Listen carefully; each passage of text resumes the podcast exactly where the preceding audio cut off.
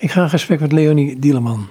Uh, Leonie, je werkt in Mozambique, maar in die andere cultuur werken. Je geeft daar les aan. Ja, wat doe je precies daar? Nou, ik geef onder andere les momenteel op de lerarenopleiding. Mhm. Daar draai ik een programma Iwin di Wakofunika. Dat betekent uh, er is niemand zoals jij. En dat zijn eigenlijk levenslessen die we jaren terug gemaakt hebben voor basisscholen in Mozambique. En dat is uitgegroeid tot een trainde trainer programma, wat we nu draaien in Mozambique. Maar het is inmiddels ook in het Engels vertaald. Dus ik heb het onlangs ook in Zimbabwe een paar trainingen gegeven.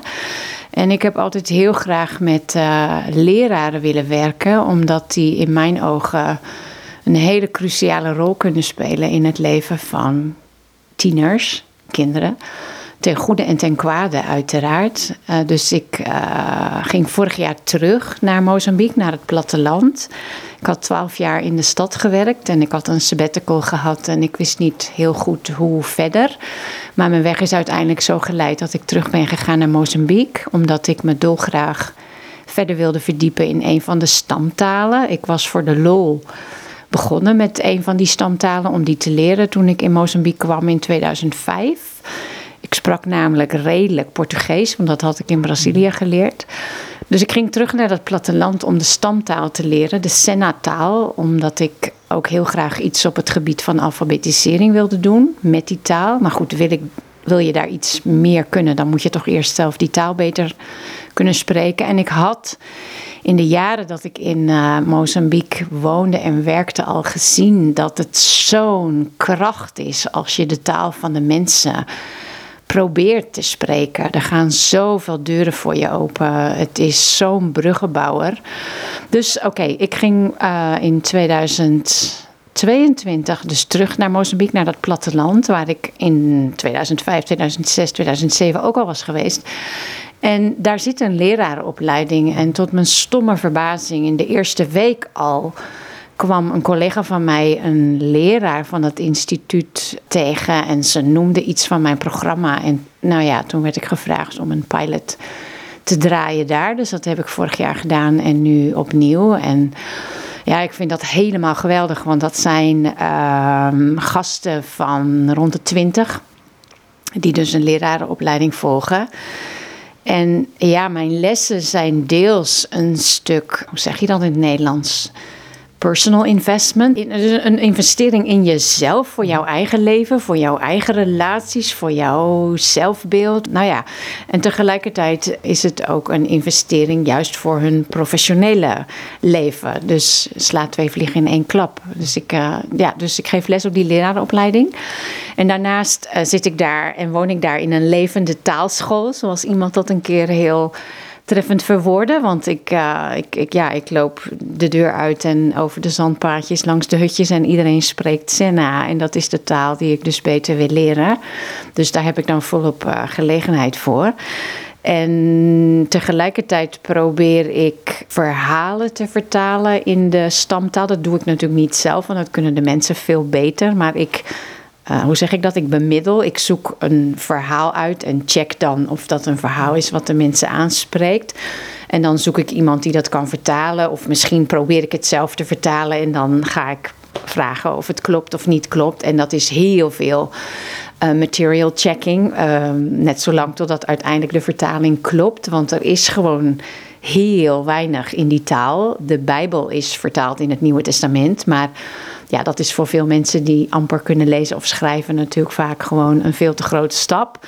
Dus ik zoek eigenlijk verhaaltjes waar ook wel een boodschap in zit. En dan, ja, om dus aan de ene kant ook de moedertaal heel erg te promoten. Want je ziet dat die talen langzaam maar zeker aan het verdwijnen zijn. En met taal verdwijnt ook cultuur en verdwijnt identiteit. Dus ik probeer ook echt te advocaten, weet ik ook niet goed hoe je dat zegt, voor de lokale taal. En dus door ook materiaal te maken.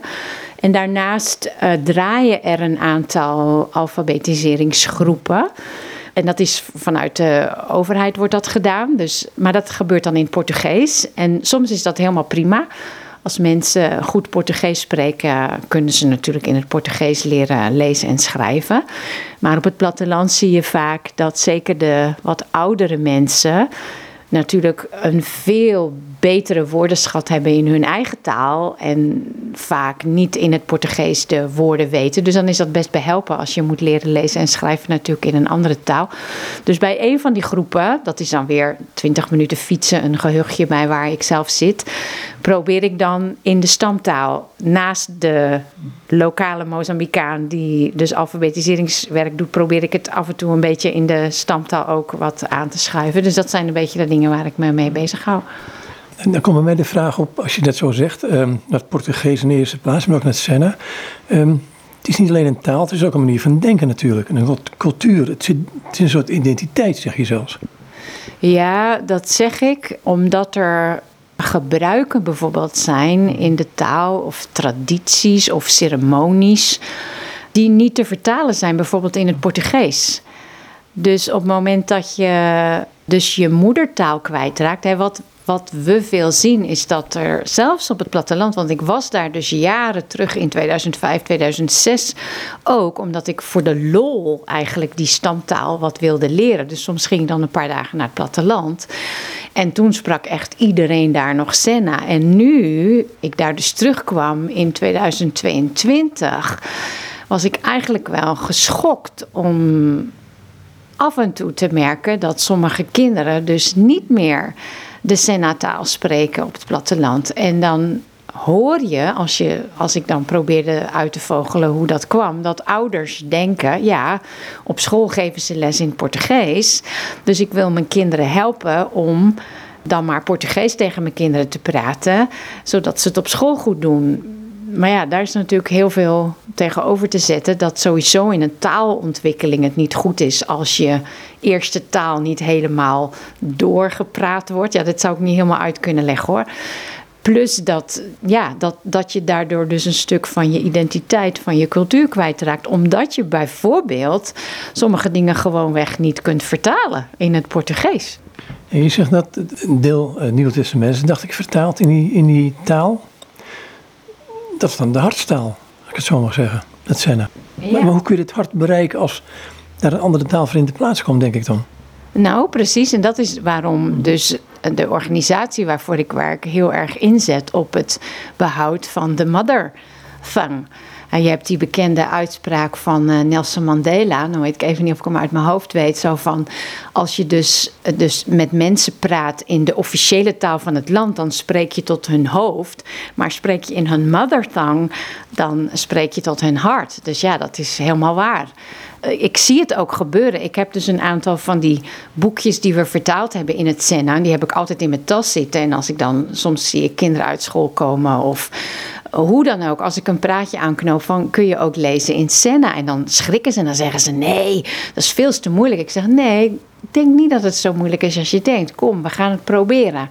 En als ik dan zie hoe ze beginnen te stralen als ze in hun eigen taal iets kunnen lezen en dan zeggen ze ook Isa Koma, zo van dit is geweldig. Dit, dan zie je dat dat inderdaad ja, hun, hun, hun wezen doortrekt. Juist doordat het dus iets is in hun hartstaal. En ook, er is heel vaak op die talen neergekeken. Dat is natuurlijk al jaren terug gebeurd. Maar dat is wel iets wat van generatie naar generatie is doorgegeven. Dat onze taal stelt gewoon niet zoveel voor. En uh, ja, dan, dan kan ik soms op mijn kop gaan staan daar. Want ik ben die taal aan het leren, nog steeds. En als ik zie hoeveel manieren er zijn om in een verleden tijd iets te zeggen. Nou, het zit gewoon wiskundig in elkaar. En dat is dan gelijk voor mij een reden om ook weer in aanbidding voor God te staan. Als ik zie hoe die talen in elkaar zitten. En maar voor hun hebben ze dan zoiets, ja, Engels, dat is de taal. En nou ja, dat, dat bestrijd ik dan. En dan probeer ik te benadrukken en uit te leggen dat hun eigen taal ook een enorme schat is en een enorme rijkdom die ze moeten koesteren. Je bent daar met, met lesmateriaal bezig. Um, we hadden net het voorgesprek e-, even over. Een aantal van die lespakketten die je maakt. Um, Kun je gewoon een paar noemen, wat, wat, wat vertellen hoe dat binnenkomt in zo'n taal? Je had het over de vijf talen van de liefde bijvoorbeeld. Ja, de lessen geef ik in het Portugees op de leraaropleiding, want ze komen vanuit het hele land. Dus er zijn heel veel lokale talen. Ja, de lessen doen iets met, uh, met de, de deelnemers. En ik vertelde je net inderdaad dat ik een training gaf aan volwassenen. Mozambicanen een keer in het noorden. En dat na een van de lessen, dus die vijf talen van liefde, een man naar me toe kwam. En zijn petje afnam en zei: Met de les die we vanmiddag hebben gekregen van jullie, hebben je denk ik mijn huwelijk gered. Want het tankje van mijn vrouw is gewoon helemaal leeg. En ik wist werkelijk niet hoe ik dat tankje van haar moest vullen. Maar na de uitleg van je vijf talen van liefde heb ik wel een idee. er zijn vijf talen van liefde. Je hebt um, woorden. sommige mensen voelen zich geliefd als ze woorden horen. Anderen vullen hun tankje als de ander tijd aan ze besteedt. weer anderen als ze geholpen worden. En dan heb je cadeautjes en je hebt ook de lichamelijke aanraking.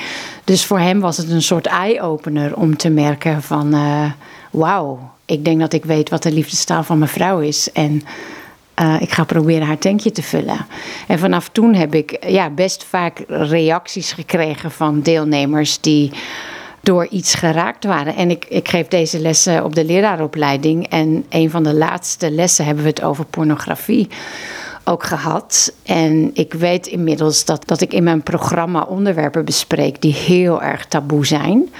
En vorig jaar heb ik de lessen als een pilot gedraaid op de leraaropleiding. En aan het einde gevraagd van nou moet ik volgend jaar deze lessen ook aan de volgende studenten geven. En toen zeiden ze allemaal ja, want je bespreekt onderwerpen die voor ons taboe zijn. Maar dat is wel gewoon heel goed. Dus een paar weken terug hadden we het over pornografie. De studenten moeten altijd delen van de lessen, in ieder geval de week daarna ook weer geven. Zodat ze ook leren hoe, het is, hoe het is om voor een groep te staan. En er was een jongen die dus ik vraag altijd wie wil dit doen. Ik, ik, heb een beetje moeite mee om iemand aan te wijzen. Dus ik zeg oké, wie wil volgende week het gedeelte doen over pornografie. En dat dus dingen die binnenkomen in ons hoofd, in ons hoofd blijven zitten. En dat je dus dingen die je vaak ziet, ga je normaal vinden. Die ga je nadoen en die beïnvloeden jouw gevoelens. Dat was natuurlijk een hele les. Dus die jongen had dat, uh, die zei dat wil ik wel doen. Dus die geeft die les. En deed het fantastisch. En ik zat zo met open mond naar hem te luisteren dat ik eigenlijk niet meer goed weet wanneer hij het zei. Maar op een gegeven moment zei hij: Nou, ik zal jullie uh, iets vertellen. Ik zat in een WhatsApp-groep waar we links, zeg je dat zo in het Nederlands, deelden met elkaar om bepaalde pornosites te bekijken. En hij zegt, ik weet dat sommige van jullie daar ook in zitten. Hij zegt, na de les van vorige week heb ik me verwijderd, want ik uh, begin in te zien dat ik daar gewoon heel dom mee bezig ben. Ja, zoiets is fantastisch. Maar ook over, ik heb ook in het programma zitten ook een aantal uh, gezegdes, denk ik dat ik het moet noemen. Een aantal van die zinnen, van die slogans die ik bewust steeds herhaal. En eentje daarvan is: je hoeft niet de beste te zijn, maar je moet wel het beste van jezelf geven. En ik gaf de week voordat ik naar Nederland kwam, vorige week, een, een toets. En ik vroeg, mijn laatste vraag was: wat heb je geleerd? En er waren verschillende studenten die opschreven van dat was voor mij zo'n verademing om te horen en te gaan geloven dat ik niet per se de beste hoef te zijn, maar dat ik het beste van mezelf moet geven. Dus ja, ik zie gewoon soms uh, dingen gebeuren of mensen worden aan het denken gezet. En dan heb ik heus niet de illusie dat mensen compleet hun leven veranderen, maar je zet ze wel aan het denken. En soms uh, gaan ze dingen inderdaad echt radicaal anders doen. Is het feit dat jij Nederlandse bent en eerst die andere culturen moeten leren kennen, is dat voor jou een eye-opener geweest? Hoe bedoel je dat? Nou, dus het kan ook een barrière zijn natuurlijk in het communiceren naar hen toe. Want je zat toch iets van die manier van denken, maar ook die manier van voorbeelden die voor ons misschien voor de hand liggend zijn, voor hun. Denk, waar heb je het over? Ja, ik ben, we zijn de lessen gaan maken in 2005 en dat ben ik samen gaan doen met een Mozambicaan. En we probeerden die lessen gewoon uit in de praktijk. En hij kende natuurlijk gewoon heel goed de cultuur. En ik was didactisch misschien wat beter. Maar ja, je ziet ook als, tenminste, hoe moet ik het nou zeggen? Ik heb denk ik te vaak. Ja, dat was toch ook al in de tijd dat ik in het buitenland zat. Ik heb zo vaak blanke mensen in dit geval zien praten preken. En dat ik dacht, ja, er luistert volgens mij helemaal niemand. Je praat over de hoofden heen of je praat onder de voeten door. Maar dat is in Nederland ook mijn ding. Als ik, hè, ik bedoel, als ik in een kerk zit of als ik bij een lezing zit, ik kijk altijd ook van hé. Hey, naar het publiek. Ik vind dat geweldig om het publiek dan te observeren. En dan zie je of er contact is. Dus ik weet niet of dat zozeer cultureel is. Uh, natuurlijk moet je dat leren. Maar ik, we hebben het gewoon in de praktijk probeer ik het uit. Van werkt dit voorbeeld of werkt dit niet? En je ziet dan, ja, of je merkt dat aan de reacties. Hoe? Kun je een voorbeeld geven? Ja, we hebben in Mozambique veel kokosnoten. En die kende ik wel vanuit Brazilië. Daar uh, drink je het kokoswater. En in Mozambique wordt er ook in de keuken veel gewerkt met de geraspte kokos. Dus ik zag op de markt, als je dan naar de markt gaat, zie je hopen met kokosnoten liggen. En ik zag dat als de mensen, als ze die wilden kopen, dat ze natuurlijk naar de prijs vroegen. Maar dat ze dan ook zo'n kokosnoot pakten en die bij hun oor een soort. Uh, zo schudden. En ik had zoiets van, waarom doen ze dat? Dus ik vroeg aan zo'n marktkoopman van, waarom doen ze dat? Hij keek me aan van, oh ja, echt zo met zo'n meewarige blik. Dat is echt weer zo'n witte die, die niet snapt wat wij hier doen. Nou, toen zeiden ze van, ja, je moet uh, horen of het water huilt. Of je het, het water kunt horen huilen. Als je het vertaalt in het Portugees zeg je het zo. Want anders is het geen goede kokosnoot. Oké, dus dat snapte ik. En toen had ik een kokosnoot uh, bij mij thuis liggen en die was op een gegeven moment opgedroogd. Dus je hoorde dat water niet meer klotsen. Nou, en ik gaf volop les. Uh, we gaven in die tijd op vijf verschillende scholen les. We hadden 28 groepen, dus we gingen altijd op de fiets met allerlei materiaal naar al die scholen. En ik zag dat er enorm veel gespiekt werd in de les. Collega's die liepen gewoon de klas uit en het zou ze worst zijn of de kinderen spiekten of niet. En nog gekker, sommige leraren laten het toe in ruil voor geld. Die corruptie begint daar al heel jong en met zulke dingen. En op een gegeven moment, ja, hoe het kwartje viel, weet ik niet meer. Maar ik, ik herinnerde me die kokosnoot. En ik denk, hé, hey, die rotte kokosnoot, dat water klotst niet. Dat kun je eigenlijk vergelijken met iemands hoofd, die of steeds spiekt en zo misschien goede cijfers haalt, maar geen kennis in zijn hoofd heeft. Dus ik heb toen een keer die kokosnoot mee naar school genomen. En nou ja, daar wat omheen gepraat van wie heeft wel eens een kokosnoot gekocht en uh, zou je deze kopen? Dus die gooide ik naar een paar klasgenoten en die hielden hem zo bij hun oor. En ze zeiden, nee, die hoeven we niet. Waarom niet? Ja, er zit niks in. En toen zei ik van, hé, hey, wist je dat we ons hoofd met een kokosnoot kunnen vergelijken? Dus ik liep door de klas en ik schudde zo wat aan de hoofden van die kinderen. En stom verbaasd zaten ze naar me te kijken, maar ze snapten hem ook gelijk. Ik weet nog dat ik een paar jaar later een oud leerlingen tegenkwam. Die tegen mij zei: Juf, dat beeld ben ik nooit vergeten. Ik dacht: Ja, zo'n hoofd wil ik niet. Ik ga voortaan leren. Maar zo zoek je naar voorbeelden die dan. Kijk, en hier in Nederland zou dat niet werken. Dus, maar ja, daar, daar kom je soms gewoon spontaan op. Het is hetzelfde als met de maiskolf. We wonen tussen de mais.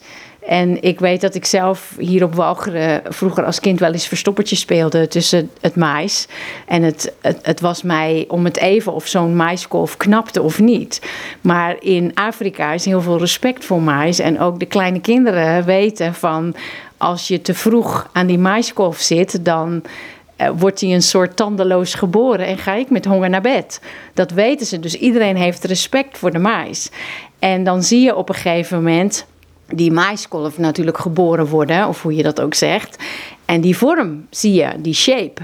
Maar niemand zal daar aan zitten, want iedereen weet hij is nog niet rijp. En zit je er te vroeg aan, dan hebben we misschien wel honger. Nou, ja, ik weet ook niet meer hoe ik erop kwam, maar dat beeld gebruik ik nu bij een les over seksualiteit dat op een gegeven moment in de puberteit gaat jouw lichaam veranderen. En heb je aan de buitenkant de vorm, de shape van een, een vrouw of van een man. Maar jij bent nog niet rijp om geoogst te worden. Ja, kijk, hier zou dat werkelijk niet aanslaan. Maar daar is dat de perfecte uh, match. Ik herinner me ook in een van jouw nieuwsbrieven dat je over het mais zei uh, hoe wij het hier gebruiken. En dat kwam niet helemaal over. Het is ongelooflijk hoe bewerkelijk dat proces is uh, in Afrika. Dus als mij dan gevraagd werd van... Uh, eten jullie ook mais? En ik moet dan met enigszins beschaamde kaken zeggen... dat is bij ons uh, veevoer. Dan ja dat, dat was ronduit schokkend ja, voor de mensen. Ja. Kun je zo'n klas beschrijven um, waar je voor staat? Um, zeker van lagere school. Ik herinner me uit mijn jeugd dat ik in een klas had met 40 kinderen, maar het zal daar iets meer zijn. Ja, ik geef nu niet meer zelf op de lagere school les, maar die jaren dat ik in Beira zat, had ik gemiddeld 80 leerlingen per klas. Soms had ik er 100. Uh, de kleinste klassen waren 50, maar gemiddeld dus zo'n 80. En ja, de helft kon niet lezen en schrijven. En van de andere helft kon een kwart het helemaal niet. En een kwart kon het wel. Je kon niet goed lopen. Het zat gewoon propvol. Er zijn geen uh, ramen of ze zijn kapot. Uh, veel lawaai om de school heen. En dat maakte het lesgeven moeilijk. Dat ik dus altijd boven mijn kracht moest praten. Tegelijkertijd. Um, ja, is het, hoe moet ik het zeggen, um, heel dankbaar werk ook. Omdat ik als Nederlandse niet zo heel veel moeite hoefde te doen om een leuke les te bedenken. Want ze zijn zo weinig gewend. Dus we kwamen dan aan op de fiets en dan was het al... Oh, juf, komt u naar onze klas? En ja, ze vonden heel veel gewoon geweldig. Dus in die zin was het ook heel dankbaar werk. Je kon ook heel veel aan ze kwijt en ze waren altijd enthousiast. Uh, ja. Nou ben je met alfabetisering bezig. Um, hoe doe je het in zo'n land hè, waar, waar een deel van de mensen gewoon niet leest of schrijft... of moeilijk leest en schrijft? Ja, die ene groep waar ik dan op woensdag en op vrijdag naartoe ga, daar komen vrouwen met name, een enkele man, die ja, kunnen niet lezen en schrijven. Dus dan uh, ga je per letter. En dan probeer ik uh, het een beetje te linken aan de moedertaal. Dus in plaats van het Portugese woord, dat ik dan uh, wat stamtaalwoorden daarbij zoek. En ja, ik probeer soms ook uh, een kort stukje uit mijn lesprogramma. Dat probeer ik dan zelf in de stamtaal te zeggen. En dus meer de methode van als je. We hadden bijvoorbeeld een van de laatste keren dat ik een les probeerde daar te geven hadden we het over, nou, de mensen, ieder mens op de wereld die moet, die moet eten, die moet slapen, die moet uh, douchen. Of wil zijn leven goed lopen. Maar we hebben als mensen ook allemaal iets nodig wat we moeten ontvangen. Affectie, hè, een, een, een genegenheid.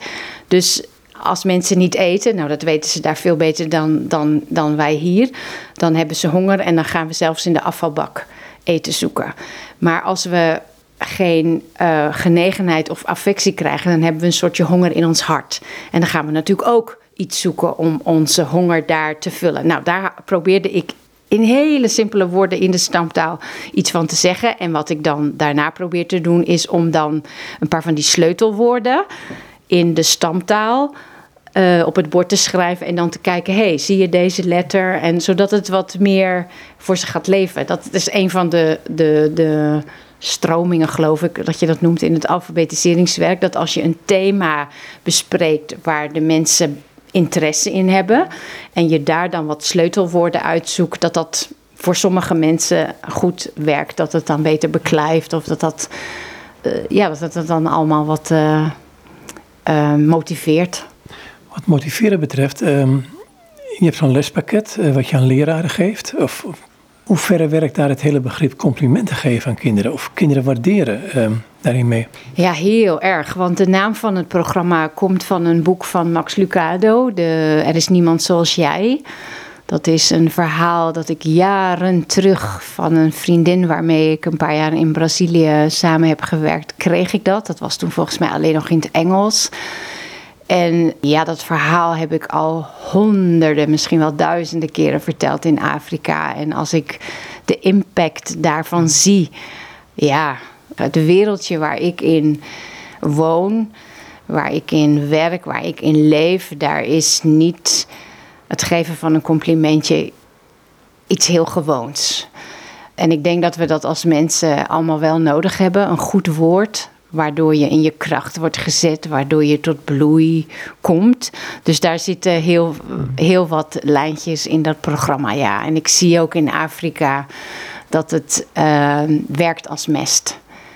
Uh, ik vertelde je dat net in het voorgesprekje. Ik heb, ik heb uh, in de tijden dat ik zelf voor de klas stond, dus echt de tieners had, had ik ook soms van die tieners die mijn bloed lieten koken. Uh, en ik, kan best heel ongeduldig zijn, maar de enkele keer dat het me lukte om dat niet te worden en te zeggen: hé, blijf eens eventjes.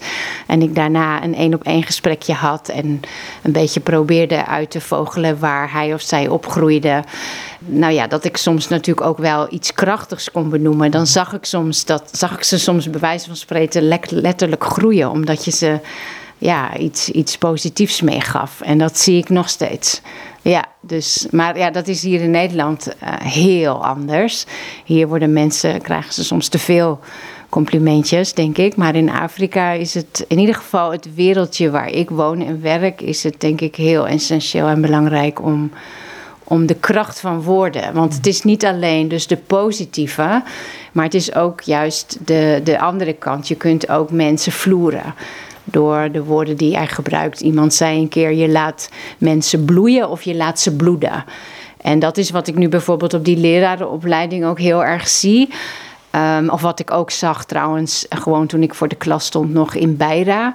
Je hebt in Afrika niet de dodelijke pestterreur die je soms eh, hebt hier in Nederland. Dat mensen echt gewoon nou, niet meer willen leven omdat ze dat niet aankunnen. Dat heb je niet zo. Maar ik weet niet eens het, het goede Nederlandse woord daarvoor. Gozare zeggen we dan. Er kan wel heel erg minachtend of een soort dat uitlachen, maar niet dat dodelijke zoals je hier hebt.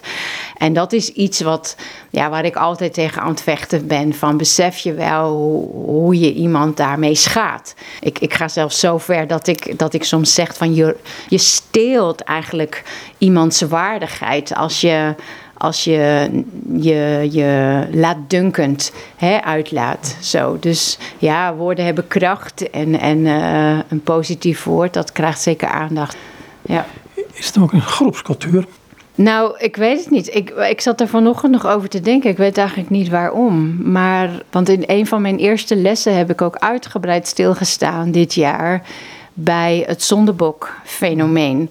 Dat er blijkbaar in groepen, en ik ik geloof niet dat ik daar, als ik daar nu spontaan op reageer, gelijk zoveel verschil tussen zie in Nederland en, en in Afrika. Het lijkt wel of we, of we zoiets in onze natuur hebben dat op het moment dat er een groep is, dat, dat we daar één of twee zondebokken in zoeken. En, maar ja, dat is voor sommige mensen heel beschadigend natuurlijk. En dat zie ik in Afrika ook. En dat kreeg Tenminste in het deel van Afrika waar jij zit. Ja, ja, heel goed dat je dat zegt. Ja, en dat kreeg ik ook terug in de evaluatie die ik vorige week... Uh, van dat er dus ook een superioriteit in de groep zit. Dat, hè, ze komen uit verschillende provincies... en dat de een zich beter voelt dan de ander. En dus uh, ja, die groepsprocessen die uh, spelen daar ook wel, ja. Je hebt ook in Brazilië gewerkt daarvoor... Um, in de favelas in Rio de Janeiro, dacht ik uit mijn hoofd.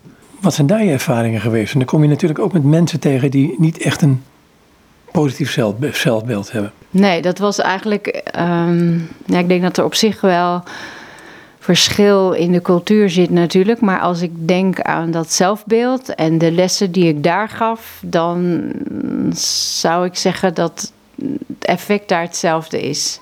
Ja, dat mensen dat het helend is of verademend. Of ja, dat als je hoort dat jouw waarde niet ligt in wat mensen van jou zeggen, maar in ja, het feit dat je een mens van God bent. Ja, dat, ik, ik zou. Want ik herinner me dat ik daar voor het eerst sommige verhalen ging vertellen. En dat die reacties eigenlijk net zo zijn als dat ze nu in Mozambique zijn. Ja. Wat, wat gek als mensen dat voor het eerst horen, dat ze lijken te schrikken van blijdschap, zeg ik soms. Blijdschap.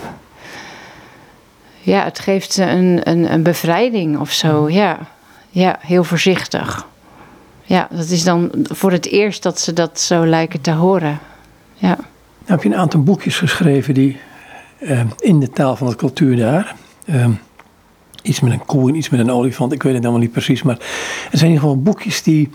En ik herinner me één verhaal uit een van je nieuwsbrieven. dat je zei van. Um, ik heb het fenomeen aangepakt van het offeren in de kerk, het geld geven. helpt, denk je nu? Nee, juist niet. Ik vind het heel leuk eigenlijk dat ik dit eens een keer kan vertellen. Ja, in een van de kerkjes, of in het kerkje waar ik eigenlijk al die jaren naartoe ging, eh, werd gecollecteerd op een manier dat. Uh, sowieso was het ergens heel leuk, want je ging altijd dansend je gaven geven en daar hou ik heel erg van. Ehm, maar er werd in de kerk waar ik naartoe ging, werd uh, de opbrengst van jouw gaven bekendgemaakt. Met name. Dus jij kon, als jij er een tientje in gooide, dan werd me gezegd van ja. uh, Leonie een tientje. En dan werd je aangekeken van, wow, mag wel iets meer zijn. Ja, ja, ja, zo ging dat, ja. En je zag, ik zag dus dat mensen zich daar ongemakkelijk bij voelden, want niet iedereen heeft een tientje. En ik zag ook dat sommige mensen zich daar, hoe zeg je dat, op voor lieten staan. Uh, dat ze wel een tientje gaven of misschien wel meer. En ik dacht van, hé, je linkerhand moet toch eigenlijk niet weten wat je rechter doet of andersom. Maar ja, in Afrika kun je sommige dingen natuurlijk niet rechtstreeks uh, bespreken. Je kunt niet de koe in die zin bij de hoorns vatten. Dus ik heb een verhaal bedacht dat een, een, uh, een chief, dus dat is natuurlijk in de Afrikaanse cultuur een, een een, een, ja, een soort baas. Uh, dat kennen ze daar allemaal. Dat hij een olifant zocht om mee op reis te gaan naar een dorpje hoog in de bergen. Nou, die olifanten zijn dan allemaal heel opgewonden. En de ene olifant zegt: Nou, ik denk dat de chief een uh, olifant wil met hele grote slagtanden, want dan voelt hij zich veilig. Nou, die olifanten die beginnen allemaal hun slagtanden te poetsen. En ondertussen dromen ze van het applaus dat ze zullen krijgen als ze met die chief aankomen in dat dorp. Maar een andere olifant zegt: Nee, wacht even. Ik denk eigenlijk dat de chief een uh, olifant wil met een een slurf die gewoon prachtig kan trompetteren. Want dan kan je al van ver aankondigen dat de chief er aankomt. Dus nou, sommige olifanten die uh, gaan voor dat idee. En die beginnen allerlei oefeningen te doen. En ondertussen dromen ze van het applaus. Want dat zag ik. Ik zag dat sommige mensen, tenminste dat dacht ik te zien, droomden van dat applaus. Nou, een andere olifant zegt: ah, ah, het is heel erg heet in Afrika. Ik uh, denk dat die chief een, uh, een uh, olifant wil die met zijn flaporen gewoon wat wind kan produceren. Dus een andere groep olifanten die begint zulke oefeningen te doen. En ondertussen dromen ze natuurlijk ook weer van dat applaus. En dan is er één olifant en die zegt niks en die begint een modderbad te nemen. En nou ja, dan komt er een man. En die heeft hulp nodig, maar al die andere olifanten die zijn te druk met hun tandenpoetsen en met hun uh, trompetgeluid en met hun uh, gymnastiekoefeningen met de oren. En die ene olifant die gaat mee en die helpt, want er is een brug weggeslagen en nou ja, niemand kan naar de overkant. Maar de aidsmedicijnen, dat was eigenlijk het oorspronkelijke verhaal, die lagen aan de andere kant. En je moet iedere dag je aidsmedicijnen slikken, dus uh, die olifant die zwemt en ja, daar kwamen de kokosnoten weer terug. De verpleegster aan de overkant die stopte medicijnen in de kokosnoten. En die olifant die zwemt terug. En dan op de andere kant van de oever staat de bevolking. En die beginnen allemaal te klappen en dat uh, geluidje te maken met de tong, wat Afrikaanse vrouwen doen. En die olifant die denkt, waarom klappen ze nou allemaal? Ik doe gewoon wat ik, wat ik kan. Nou ja, en hij wordt uitgekozen. Dus dat uh, heb ik toen een keer in de kerk verteld ook. Uh, in de hoop. En, en wordt het dan begrepen? Ja, dat is, de, dat is de vraag. Dat heb ik niet met de persoon die ik verdacht van wel heel graag applaus te willen horen gevraagd. Maar toen dit boekje uitkwam, dit jaar, vroeg de uitgever van ga je het ook uh, vertalen in uh, Afrika? zei nee, daar ben ik niet van plan. En toen zei ze van nou, van ons mag het wel hoor. En toen dacht ik, oké, ik ga het dan eens checken, het verhaal. Dus toen ben ik met drie verhalen het dorp ingegaan. Eén was iets met een varkentje en eh, het olifantenverhaal. En wat was het andere verhaal? Oh ja, een, um, hoe noem je dat? Een chameleon. Dus ik las de drie verhalen voor en dan vroeg ik aan verschillende groepen. Soms waren het tienermeisjes, soms waren het oudere mensen. Nou, welk verhaal vind je het mooist en waarom? En dan werd het olifantenverhaal wel het meest gekozen. Dus dat vond ik natuurlijk stiekem heel erg leuk. Omdat het mijn eigen verhaal was. Maar het liet me ook zien dat het dus aanspreekt. En als ik dan vroeg, ja, waarom? Ja, nou ja, we moeten elkaar helpen. Of je het nou gezien wordt of niet. Dus dat... Eh, en het koeienverhaal? Het koeienverhaal, ja, dat is niet van mezelf. Dat las ik een keer toen ik in Beira zat. En dat is, ik vind het een geweldig verhaal Dat ehm, gaat over een stam waar een bruidschat betaald wordt. En de bruidschat is als volgt. Als je met een meisje wilt trouwen wat uiterlijk niet zo heel knap is, dan is de bruidschat één koe. En is ze wat aantrekkelijker aan de buitenkant, dan is de bruidschat. Dan moet je twee koeien betalen. En is ze stunning beauty, dan moet je er drie betalen. Maar dat gebeurde bijna nooit. Zo luidt het verhaal. En dan is er een jongen, ja, ik vind het geweldig. Ik moet het nog op de lerarenopleiding vertellen als ik straks weer terug ben, maar ik heb er alweer helemaal zin in. Dan is er een jongen en die leert een meisje kennen en hij denkt: Wauw, ik kan gewoon mezelf zijn bij haar. Ik kan alles met haar delen, ik kan uh, met haar lachen. Ik, uh, als ik stil ben of verdrietig, is het eigenlijk ook geen probleem. En die merkt dat hij van haar houdt. Begint te houden en hij denkt: Ja, ik wil haar als vrouw. Dus die gaat naar haar vader toe. En hij zegt, ik wil met uw dochter trouwen. En dan zegt die vader, nou ja, wij hebben hier een traditie. Als je met een meisje trouwt dat niet zo mooi is, betaal je één koe. Is ze wat mooier, twee. Is stunning beauty, drie. En die vader die zegt dan, en dat benadruk ik ook altijd heel vaak... ik hou ongelooflijk veel van mijn dochter. Maar ik weet dat ze volgens de standards of the world... niet de beauty queen is, dus één koe. En dan zegt hij, ah, ik wil er zeven geven. En dan zegt die vader, ik denk dat je een beetje zenuwachtig bent en dat je het niet begrijpt. Dus dan zegt hij het nog een keer. En dat is altijd heel leuk om dat met de kinderen of met de studenten te doen. Want dan laat ik ze het hun als het ware vertellen. Hoeveel koeien bij dit en hoeveel koeien bij dat. En ze zitten dan helemaal in het verhaal. En dan zegt die jongen weer van nee, ik wil er zeven betalen. En ja, dan zie je aan de reactie. Ik heb dit verhaal ook in kerkjes verteld. Ik heb het op school. Dan zie je, want ze kennen natuurlijk de Lobolo cultuur, de bruidschatcultuur. Die kennen ze. En daar, daar ding je op af. Ik heb het vaak genoeg meegemaakt, ook in, in, Mozambique als ik daar woonde. Als de bruidschap zeg maar 5000, dan gaat de familie proberen te verlagen. Dus iemand die meer wil betalen, ja, dat is not done. Dus dat is, dat, ja, mijn publiek aan wie ik dan dat verhaal vertel, die zit helemaal van, hè? Nee. Nou, oké, dus die jongen in het verhaal, die, die wil zeven koeien betalen. En die vader ziet dat hij serious is, dus die accepteert dat. En dan beginnen de voorbereidingen voor de bruiloft. En ja, ik vertel heel graag verhalen. Dus dan kun je natuurlijk gigantisch leuk dramatiseren dat het nieuwtje zich verspreidt. En dan klop ik wat van die mensen uit het publiek aan van... hey, heb je het al gehoord? Iemand gaat zeven koeien betalen. Nee, dat meen je niet. Jawel, ik was water aan het putten daar. En nou ja... Uh, en dan willen ze natuurlijk weten wie dat meisje is. En dan, hè? Nee, zij is hartstikke lelijk. Dan ga je toch geen zeven koeien. Nou, dan wordt die jongen natuurlijk voor gek uitgemaakt. Maar hij uh, krijgt geen twijfel. Hij is zeker van zijn besluit. En dat is ook weer zoiets waar je op door kan gaan. Hè? Van, uh, nou ja, goed, nu dwaal ik af. Um, dus dan betaalt hij die zeven koeien. En dat meisje of die jonge vrouw weet amper naar hem te kijken. Omdat hij met zoveel liefde naar haar kijkt. En dan na een paar dagen vraagt ze het van, hé, hey, waarom heb je dat gedaan? Want ik ben helemaal niet mooi. En dan, uh, ja, het kan me bijna ontroeren. Dan, dan, dan zegt hij van, maar je, je bent meer waard dan zeven koeien.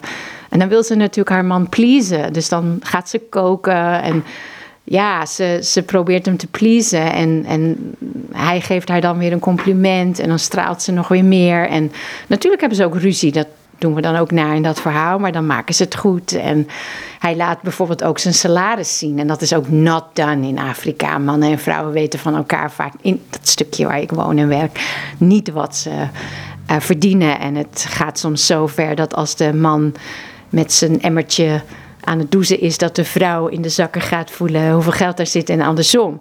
Maar hij in het verhaal laat ook zijn salaris zien. En ja, dan heeft ze het niet meer, dan straalt ze natuurlijk helemaal. Dus al de mensen die dan dat stel zo bekritiseerden, ja, niemand zegt meer wat. Want iedereen ziet in dat dorp dat zij het mooiste, nee, eh, dat ze het, het, het, het ontzettend goed hebben samen. En zij is werkelijk de mooiste vrouw van het dorp. Dus haar beauty from the inside came to the outside. Dus ja, dat is een geweldig verhaal. En dan vooral natuurlijk het nagesprek. Want uh, in hun cultuur gaat het niet altijd zo. Hè, maar ja, wat wil je? Wil je je cultuur pleasen of wil je een goed huwelijk? Um, het is, het is, um, sommige dingen zijn not done, zoals ze dan zeggen. Um, bij wijze van spreken een vader die de luier verwisselt, dat zul je niet zo heel vaak zien. Of een vader die de afwas doet als een vrouw in de buurt is. En dan hebben ze een soort spreekwoord, dan zeggen ze ja, de man zit in de fles. Ik denk dat dat onze vorm is van hij wordt onder de duim gehouden. En ja, dat wil geen enkele man dat dat van hem gezegd wordt. Dus soms doen of laten mannen dingen in Afrika, in dat stukje waar ik woon en werk, om maar niet bekritiseerd te worden. Maar door zo'n verhaal kun je ze soms nou, een beetje laten balanceren. Van hé, hey, wat doe je nou? Wil je nou je buurmannen pleasen? Of heb je zoiets van nee, de relationship met mijn vrouw is zo belangrijk dat ik misschien ook iets anders wil doen. Dus ja, ik vind dat een geweldig verhaal. Maar dat heb ik niet zelf bedacht. Dat uh, kwam. Hey, ik was het is bijna een Max Lucado verhaal dit. Het zou kunnen, ja. Ik heb dat ook willen vertalen in de stamtaal, dit verhaal.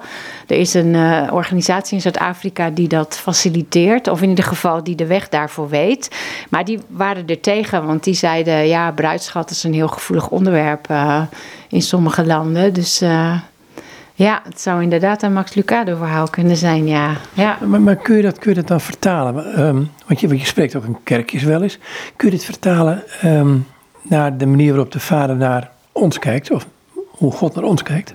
De zeven koeien verhaal zou ik daar, heb ik daar nooit zo voor gebruikt. Maar de Max Lucado verhalen natuurlijk wel, ja. Vooral de sterren en de stippen en... Uh, de beste. Ik weet niet of je dat verhaal kent. Die is ook werkelijk fenomenaal. Ja, mag je even kort vertellen, want ik ken niet alles van de beste man. Nee, nou ja, dat, de beste, dat is dan, dan dat, het, het volkje heet in het Nederlands, zijn het geloof ik de Nervlanders. En dan komt er iemand op bezoek en dat zou dan de beste Nervlander zijn, want zij is van het beste hout gemaakt, wat uit het beste bos komt. Ze komt dan um, nieuwe clubleden zoeken voor haar club. Nou ja, in ieder geval is er dan één houtsoort waarop neergekeken wordt en dat is wilgehout. En de hoofdpersoon, Wout heet die geloof ik in het Nederlands, die is van dat wilgehout gemaakt. En zij weet de hele bevolking, bij wijze van spreken, uh, van gedachten te veranderen. Dat wilgehout werkelijk het slechtste hout is wat je kunt hebben. Want dat is buigzaam en dat deugt werkelijk nergens voor. En hij wordt dus verstoten door iedereen.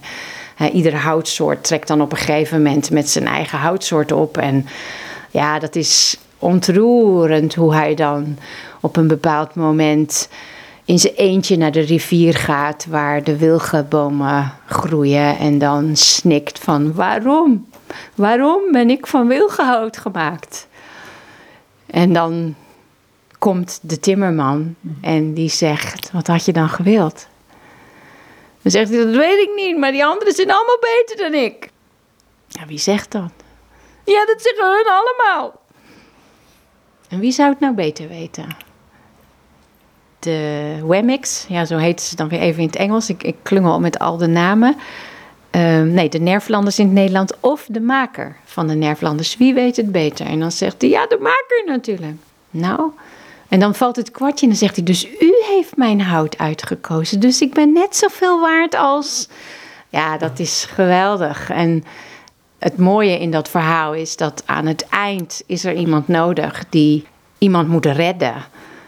En daar is buigzaam hout voor nodig. Juist dat hout waarop neergekeken wordt. En dat vind ik in Afrika ook een geweldige boodschap. Dat, dat soms mensen waar door iedereen op neergekeken wordt. Of die uh, despised worden dat die juist een cruciale rol kunnen spelen soms. Ja, dat, kijk, dat zal hier. Mensen zeggen nu tegen mij: dat werk wat je nu in Afrika doet, dat kun je ook hier doen. Waarom zit je daar? En dan zeg ik: dat is nu niet je vraag trouwens, maar ja, ik heb nu een klein stukje expertise in Afrika.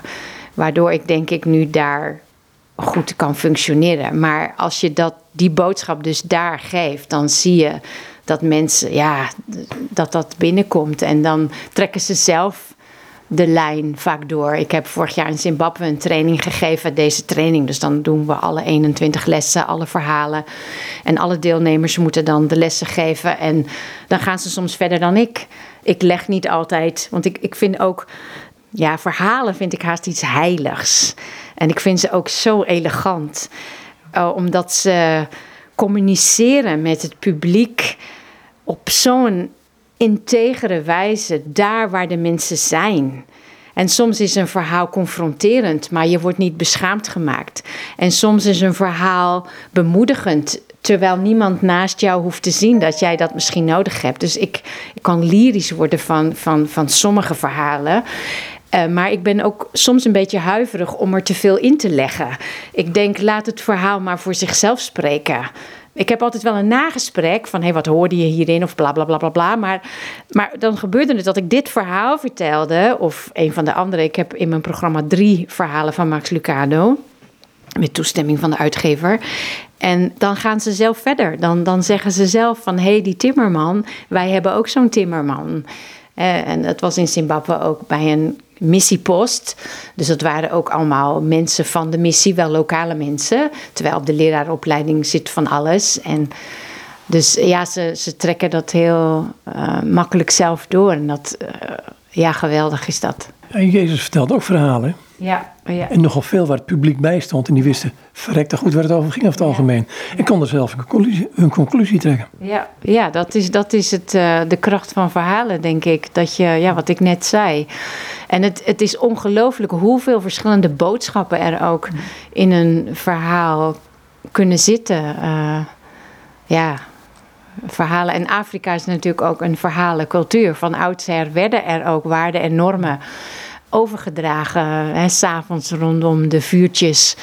En een van mijn Mozambicaanse collega's uit Bela nog, een, een docent ook, die is juist ook allerlei verhalen aan het verzamelen. Ook om de cultuur te behouden, zeg maar. Maar dit soort verhalen, want ik kreeg trouwens, ik had een, uh, een Canadees zendingsechtpaar die in een andere provincie in Mozambique uh, zitten benaderd of ze interesse zouden hebben in zo'n programma. Want ze werken met heel veel uh, mensen uit de districts. En zij bekeek dat verhaal van Max Lucado en ze zegt: Hé, zou dat hier aanspreken in Afrika? Nou, ik had er nog nooit over nagedacht, want ik had nooit anders gezien dan dat. En het is zelfs zo dat, dat als ik in Beira was, dan als de leerlingen mij op straat zagen, dan noemden ze mij naar de hoofdpersoon. En in Zimbabwe gebeurde dat trouwens weer. Dan zeiden ze Punchinello, en dat is de hoofdpersoon uit de boeken. En zo noemden ze mij dan. Of uh, in Beira was dat net zo. Dus ze identificeren zich daar heel erg mee. Nou, nou, zaten we, nou zaten we net even te praten over taal en het, het alfabetiseringsproces. Dan hadden we het over het Hebreeuws. Um, waar, je, waar je zegt, nou, dat geeft een soort draai aan je denken. En ik herken het wel, maar kun je het uitleggen? Ja, ik heb tussen Brazilië en eh, Mozambique heb ik een jaar uh, in Leuven een zendingsopleiding gedaan aan de ETF. Ik heb in een grijs verleden de EH gedaan in Amersfoort en dat vond ik zo geweldig. Maar tegelijkertijd was ik zo'n groentje dat ik wist van ja, ik heb daar heel veel laten liggen omdat mijn hoofd gewoon vol zat. Dus ik heb altijd het verlangen gehad om nog een keer zo'n Bijbeljaar te doen. En toen liep ik in Brazilië vast uh, op geestelijk gebied. Ik liep er tegenaan dat ik wel heel verwrongen godsbeelden had. En ik voelde me dus ook een hypocriet om dus door te gaan met het vertellen van bijbelverhalen, wat ik toen daar deed. Ik dacht, ik moet pas op de plaats maken. Ik, moet, uh, ik heb een stukje herstel of hulp nodig. Uh, en hoe ik er aangekomen ben, weet ik tot op de dag van vandaag niet meer. Maar ik hoorde van die opleiding in uh, Leuven. Helft zendingsvakken, helft bijbelvakken. En daar had ik Oude Testament en ik had pastorale theologie. Maar het was vooral Oude Testament. Die docent, meneer Korevaar... Uh, hoe die uh, soms, hij gaf, niet, hij gaf misschien wel Hebreeuws, maar niet aan ons, maar hoe hij mij voor het eerst liet zien hoe in het Hebreeuws de taal in elkaar zat. Ja, dat blow me away. Ik weet niet hoe ik dat anders moet zeggen. Daar was ik helemaal. Ja, dat zette me helemaal in vuur en vlam. Uh, daar wilde ik meer van weten. Dat, dat, dat, dat was iets. Dus toen uh, na de ETF uh, was ik aan het solliciteren. om weer, toch weer naar het buitenland te gaan. En ik was met de African Inland Mission in contact gekomen, maar dat duurt natuurlijk allemaal eventjes. Dus toen heb ik, ben ik Hebreeuws gaan doen, ben ik een beginnerscursus Hebreeuws gaan doen in Middelburg. Ja, ik vond het helemaal geweldig. Maar goed, ik ging weer weg naar het buitenland en ik nam al mijn Hebreeuwse boeken mee. Maar ja, in Mozambique was ik bezig met Portugees. Ik was bezig soms met Engels, want ik had Engelse collega's. En ik was bezig met Sena. Dus ik kwam niet aan het Hebreeuws toe. En toen kwam ik dus na twaalf jaar voor een sabbatical naar Nederland. En ja, ik wilde heel graag een volkstuintje doen. Maar al heel snel kwam ook bij mij boven, ik wil mijn Hebreeuws oppakken. En toen ben ik uh, in Sint-Laurens terechtgekomen bij een paar Hebreeuwse groepen. En ja, ik, ik, ik heb er gewoon geen woorden voor. Er is zo een wereld voor mij opengegaan. Om het heel kort te zeggen, misschien. Ik denk dat ik zo in vuur en vlam voor dat Hebreeuws sta, omdat het voor mij een heling betekent, heeft en nog. En dat is heel, ik doe dus het klassieke Hebreeuws, hè, dus de, dus de, de, niet het Ivriet, maar het klassieke Hebreeuws. En de gelaagdheid. Ik vergelijk het soms met gist. Het, het doortrekt mijn zijn. En het heeft dus een aantal van die verwrongen godsbeelden geheeld. Of is het nog aan het helen? Ja, je ziet het, ik, ik, kan niet, ik kan het niet goed uitleggen, maar het is een, een, een oneindige wereld die me zo de grootheid en de goedheid en de welwillendheid en ook de heiligheid van God laat zien. Daar heb ik gewoon geen woorden voor en dat is mijn leven geworden of zo. En nou ja, door corona gingen al die groepen natuurlijk allemaal online uh, verder. En ik ben zo dankbaar. Ik kan op mijn knietjes danken voor de mogelijkheid van internet in de bush in Afrika. Ik weet dat internet ook voor heel veel ellende zorgt. Maar ik kan meedoen met die Hebreeuwse groepen. Ik kan Piet van Midden en zijn efemeride volgen in Mozambique. En ja, ik, ik, ik kan er niet over ophouden. Dat is. Ja, maar deels dus omdat het me zo de grootheid van God laat zien, de gelaagdheid in woorden. Maar ook dat het iets van heling heeft. Het is dus een dode taal, maar hij leeft. Ja. Ik gis me een beetje nu hoor. Ik heb hetzelfde boek als jij ben ik aan het lezen. En wat, wat voor mij een ommekeer was gewoon het feit van dat het een taal is. Uh, het stamwoord van het woord Hebreeuws stamt af van een woord wat eigenlijk betekent vanaf de overkant. Dus hij komt naar je toe in plaats van dat wij moeite moeten doen om. Ja, ja, ja, ja, ja. ja de, de hele, de hele het hele Joodse gedachtegoed was zoiets nieuws voor mij. Maar een van de lijnen is inderdaad van dat God naar de mens komt. Dus het is upside down. Het is eh, totaal op zijn kop worden dingen gezet. Ja, dat hele Joodse gedachtegoed, die ethiek, die. die nou ja, ik weet niet goed hoe ik daar nu op verder moet gaan. Maar. Uh, misschien een vraag gewoon naar, naar waar je nu werkt in Mozambique. Heeft het een effect op de manier waarop je de mensen benadert ook? Ja, ik hoop het. Want ik heb dus een aantal boeken van die vroegere Engelse opperrabijn uh, gelezen en herlees ik weer. Van Jonathan Sachs. En ik vind zijn boeken ongelooflijk inspirerend, maar ook heel erg confronterend naar mij, naar wie ik ben. Het is een ongelooflijk intellectuele man geweest, die tegelijkertijd zo pastoraal is en schrijft. En eigenlijk in zijn boeken zegt: je medemens is mens van God. En behandel die met waardigheid, met dignity. Je kunt in de ander ook iets van het gelaat van God zien. En op het moment dat je de ander eert, dan eer je de maker. En op het moment dat je de ander dus onderuit haalt, dan is dat als het ware een klap in het gezicht van God. Dus ja, ik, ik, ik uh, probeer dat met vallen en opstaan. Want ja, die, die, het is ook heel confronterend soms wel om zijn boeken bijvoorbeeld te lezen. Ja. En meestal van de beste boeken die een beetje toch tegen de haren instrijken. Nou, het strijkt me niet zozeer tegen de haren in, maar uh, ik kijk meer in de spiegel van dat ik er dan toch vaak zo naast zit. Of hè, wat hij bijvoorbeeld ook heel scherp beschrijft, is vaak de slachtoffercultuur. Hè? Of hoe je jezelf slachtoffer kunt voelen. En dat herken ik dan. Dan denk ik van ja, ik kan soms ook echt zo'n potje zelfmedelijden met mezelf hebben. Van waarom is mijn leven zo gelopen en zo. En waarom heb ik dit en waarom heb ik dat. En hij. Ja, en, en, maar daarin is hij juist zo sterk op een liefdevolle manier confronteren en tegelijkertijd je de weg wijzen en je niet afwijzen. Dat, dat is zoiets bijzonders. Ja. Is hij dan degene, ja niet Jonathan Sachs, maar God degene die, dan ga ik een heel menselijk beeld doen, maar die met open armen op je afkomt? Het is, het is een beetje plat vind ik de uitdrukking, maar ik, ik weet niet hoe ik het anders moet zeggen. Ja, ik weet niet of ik iets met die open armen kan. Want ik heb heel lang dus bijvoorbeeld een godsbeeld gehad dat God met open armen naar iedereen stond, behalve als hij mij zag. Dan spoog hij op de grond. Dus er zijn bepaalde beelden die zijn voor mij zo besmet dat ik daar niet meer in denk en wil denken en ook niet meer hoef te denken. En dat heb ik ook, denk ik, door dat Hebreeuws geleerd. Dat zeiden we ook net tegen elkaar in dat voorgesprek. Er is niet één absolute uitleg of zo. Maar ik weet niet of we nu helemaal op dezelfde lijn zitten. Um, maar die, die, die, die welwillendheid van God, die, die welmenende welwillendheid. Ja, die, dat God jou ziet. Dat, dat, is, uh, dat is voor mij. Uh, ja, het fundament. Je gaat weer terug? Ja, nou, over vijf weken pas. Ik ben net gearriveerd. Ja, ik, ik was grappig. Ik liep vorige week zondagavond. Was ik dus nog in Mozambique. En uh, het is om vijf uur donker daar. Het is een soortje winter. Dus ik liep nog even naar een, een buurvrouw verderop. Want het is heel belangrijk dat je gedag zegt. Een heel oud vrouwtje. En vorig jaar kon ik haar amper verstaan. Maar nu best wel redelijk. Dus dat gaf me een kick. Maar we moesten ook heel erg lachen om iets. Dus ik liep terug naar mijn eigen huisje. En ik zei tegen mezelf: Oh, ik heb alweer zin om terug. En ik moest nog weg. Ik moest nog naar Nederland. Ik had ook zin om naar Nederland. Maar ja, dus uh, over vijf weken. Uh, het duurt dus nu nog, uh, hoop ik weer terug te gaan, ja. Je hebt er zin in? Ja, ja, ja, ja. Ja. Als mensen iets meer over jou willen weten, je hebt, je hebt een website, dacht ik, waar mensen kunnen kijken en nieuwsbrieven kunnen zien of datgene wat jij beleeft.